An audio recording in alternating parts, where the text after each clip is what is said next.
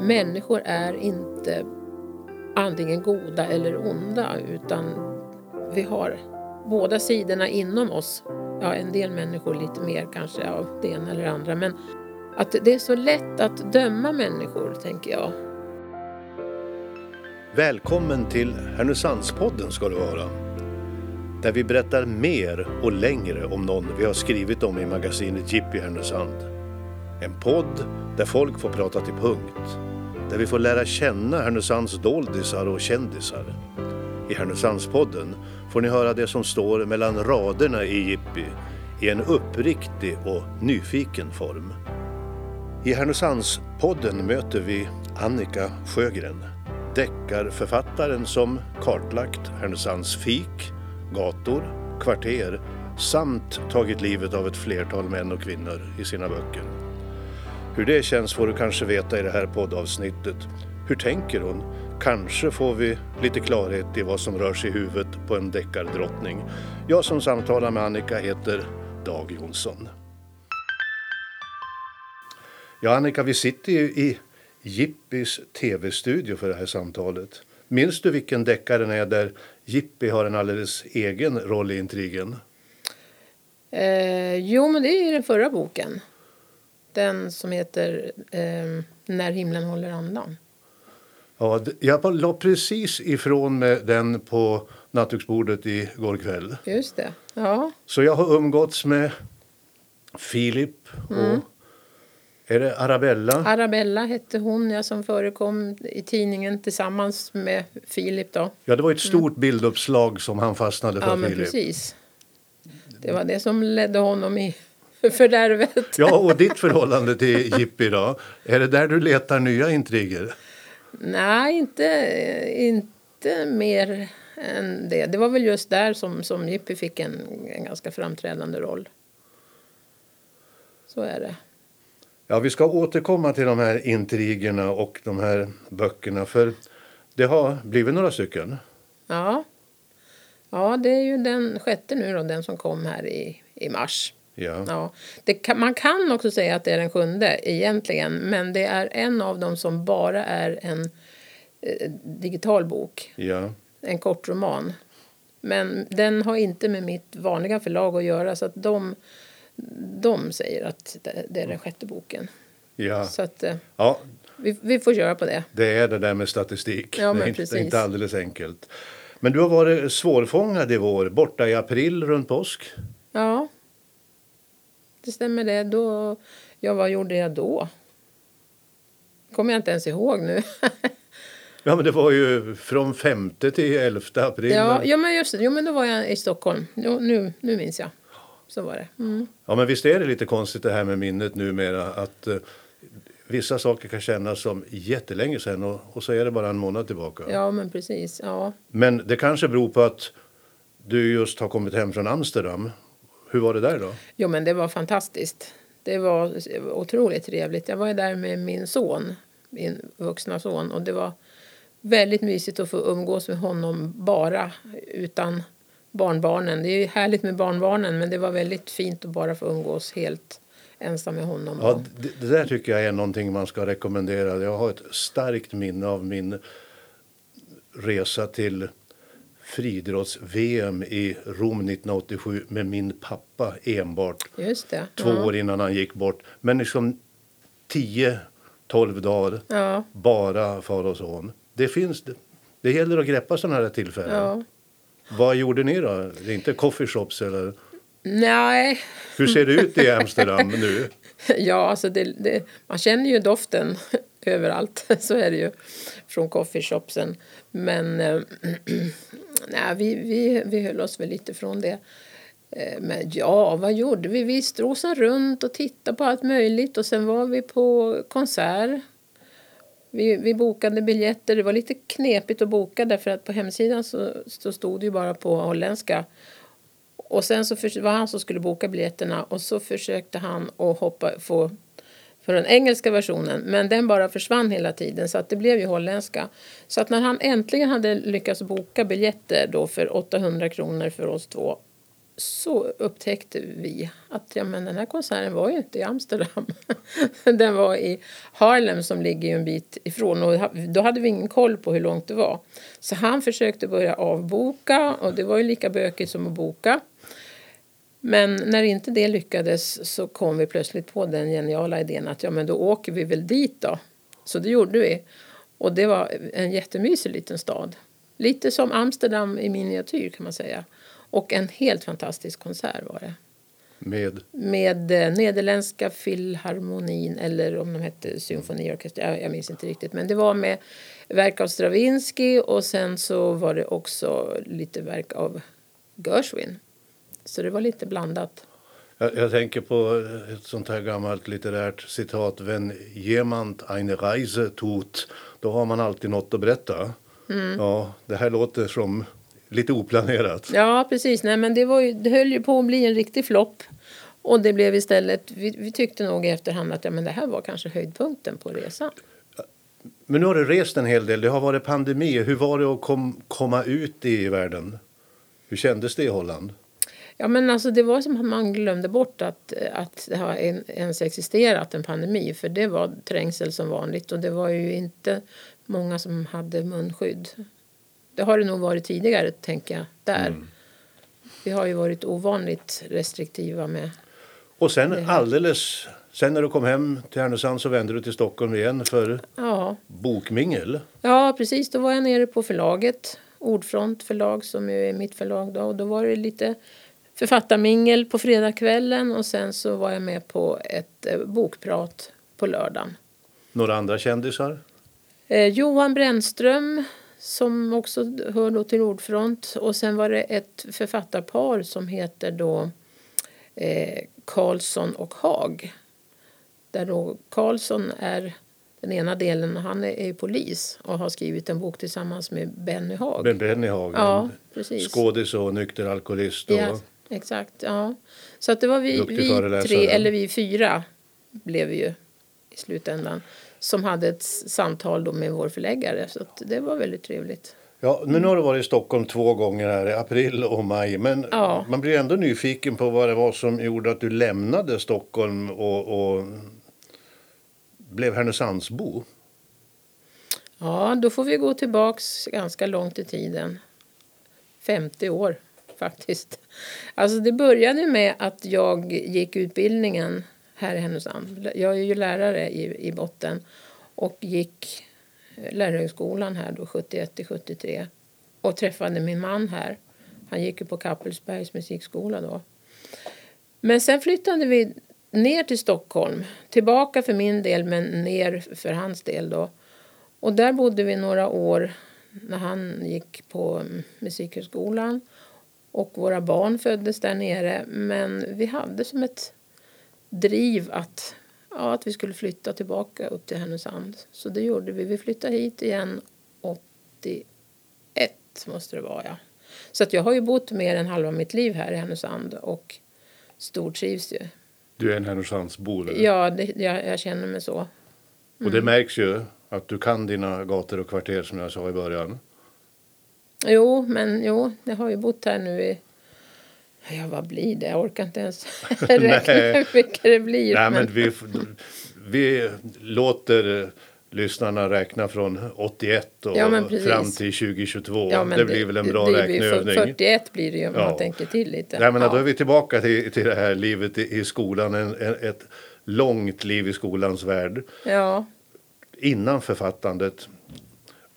Fanns de med de där tankarna eller drömmarna hela tiden på resan? Eller Jo, men det har faktiskt alltid funnits hos mig att jag skulle vilja skriva. Och eftersom jag är en riktig deckarnörd så har det varit naturligt att det skulle bli just deckare.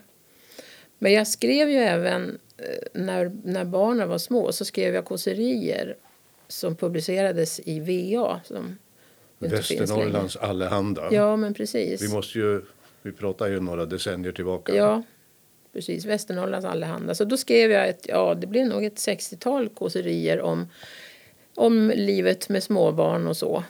Men sen så dröjde det faktiskt ända tills då yngsta barnet flyttade hemifrån. som jag tänkte ja, men nu ska jag liksom ta tag i det här.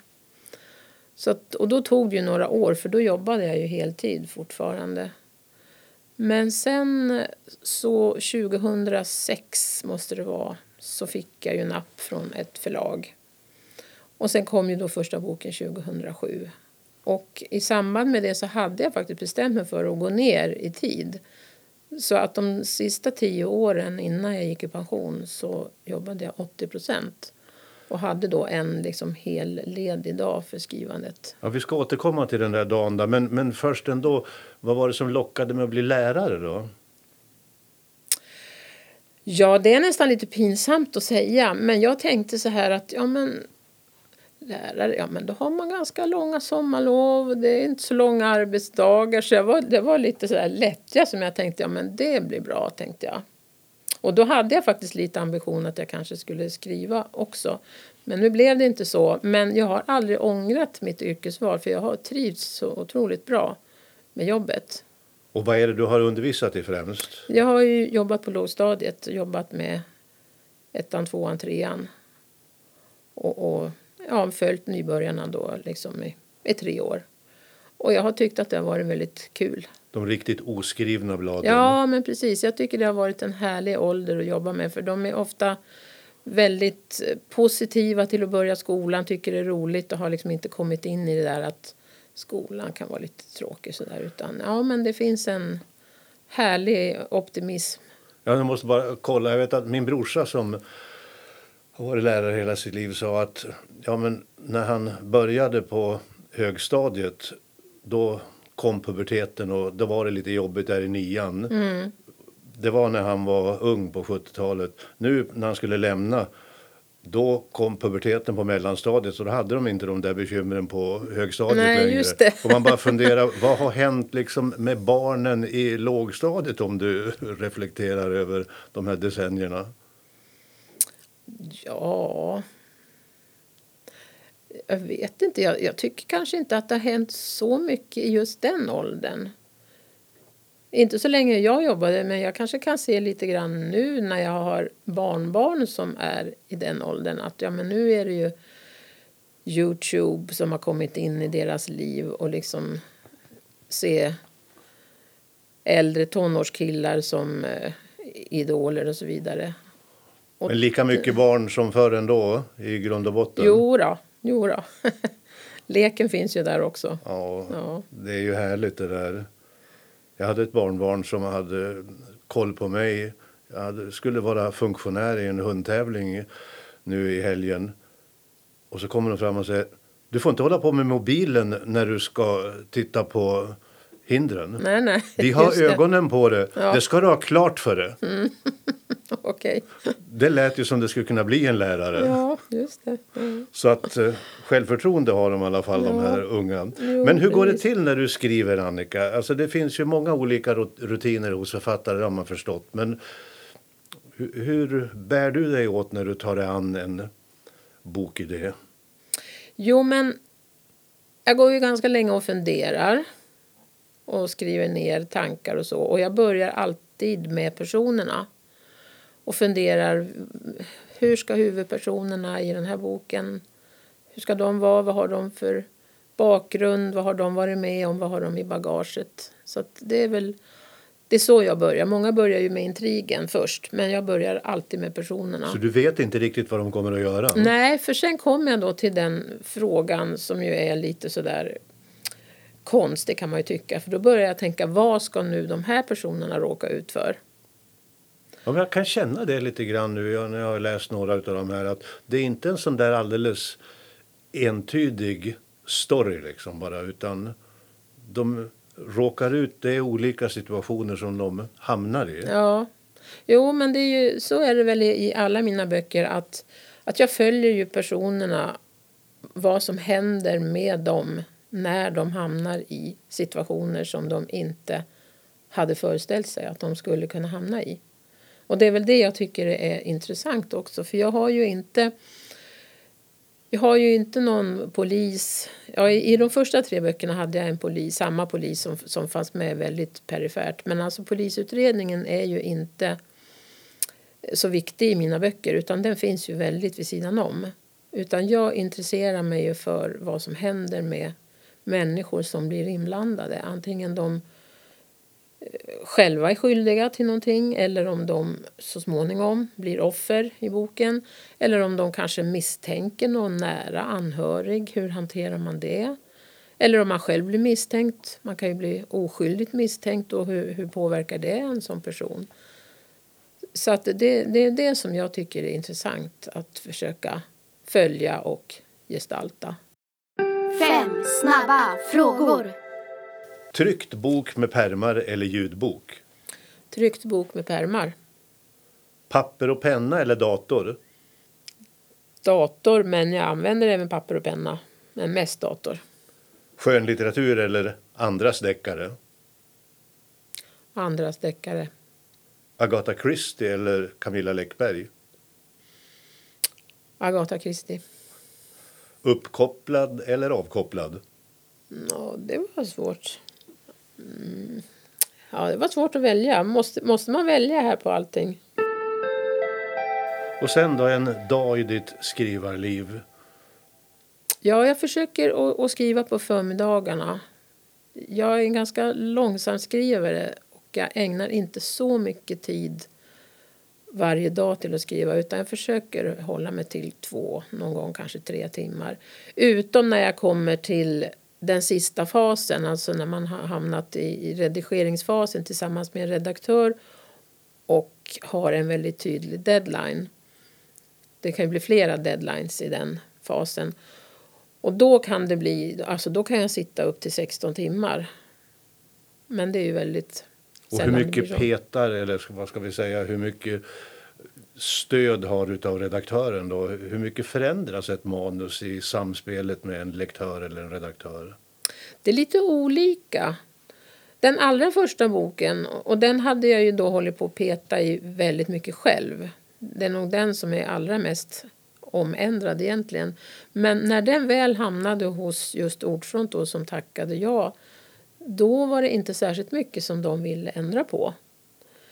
Eh, sen har det väl varit kanske lite mer i senare böcker. I, i, I den här som kom nu i mars till exempel så ville förlaget att jag skulle flytta en ganska bärande scen så att den skulle komma mycket tidigare i boken. Och det tyckte jag var lite knepigt för jag tänkte att ja, det här kommer liksom inte att funka riktigt.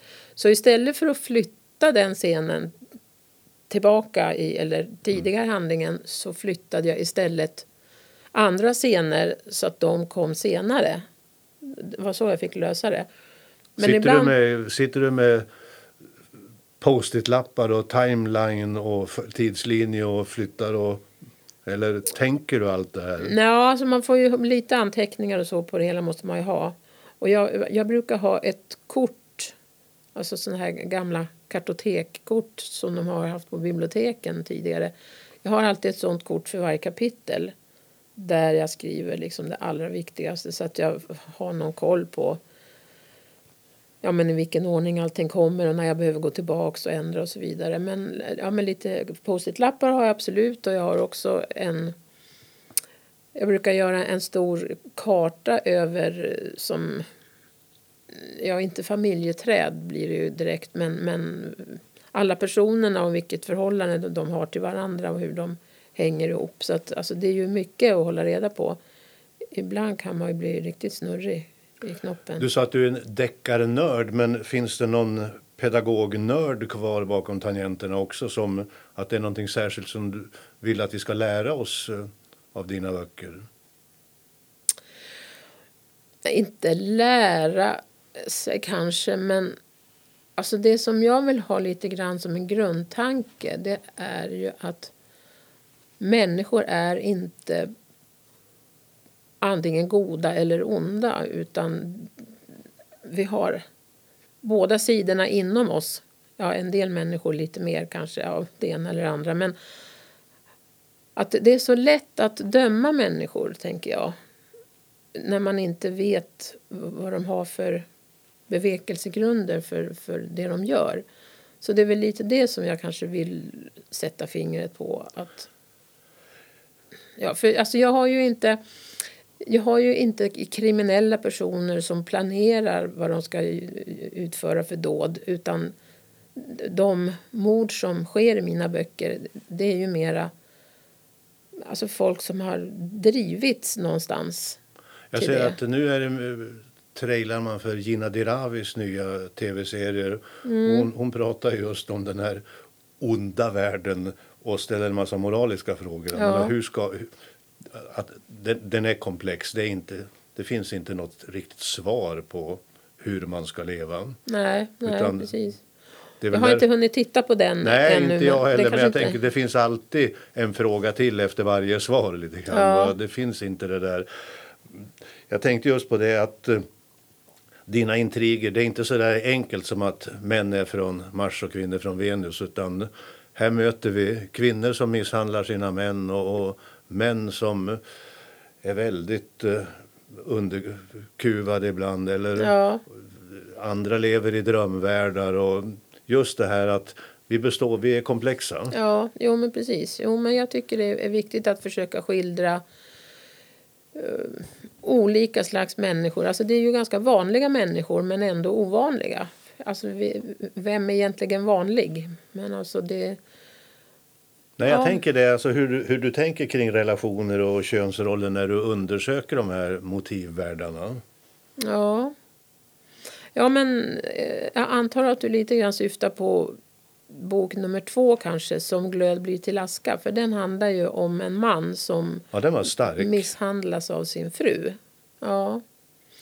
Och när jag började jobba med den så så tänker man ju naturligtvis... Alltså det är klart att alltså kvinnor som misshandlas av män de blir ju mycket mer skadade rent fysiskt. Så är det ju bara. Medan män som misshandlas så är det ju väldigt sällan som de får så allvarliga skador. Men det påverkar ju självförtroendet. Och dessutom så är det ju väldigt skambelagt därför att som man så går man inte till polisen och säger att min fru han misshandlar mig. Utan det är någonting som, som man döljer in i det längsta. Men det är väldigt mycket som du säger. Det kan vara unga tjejer och killar som blir ihop och hur ska man få ihop livet? Och jag menar, det är olika vanliga. Men är det, är det Härnösandsbor du har stött på eller var kommer de ifrån?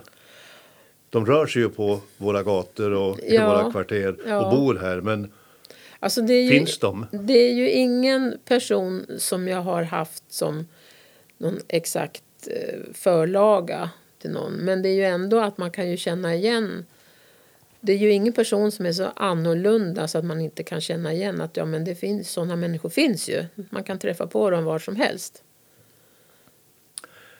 Jag tänker att eh, när jag recenserade din senaste bok faktiskt för, för Jippi så kändes den lite, lite lättare, lite gladare. Jag skrev någonting om är du på väg mot den här feel good, feel ja. good deckaren nästa gång.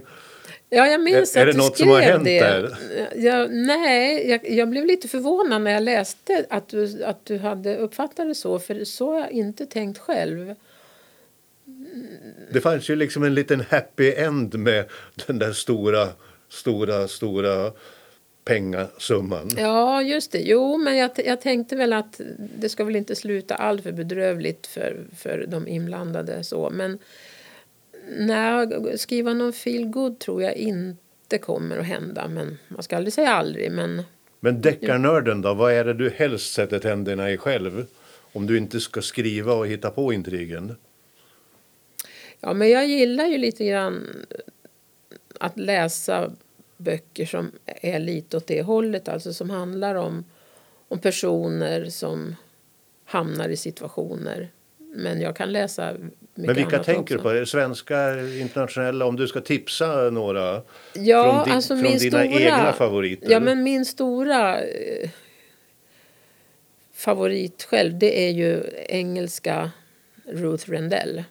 Hon lever ju tyvärr inte längre, men hon var ju rätt stor på 80-90-talet. Men hennes böcker, alltså de, de tycker jag är helt strålande, helt fenomenala. Hon har ju dels skrivit mera polisromaner om då kommissarie Wexford som också har blivit eh, tv-serier. Och, och de tillhörde väl kanske inte mina favoriter men hennes övriga böcker, hon har skrivit väldigt många standalones utöver den här polisserien. Och det är väl de som, som har inspirerat mig allra mest.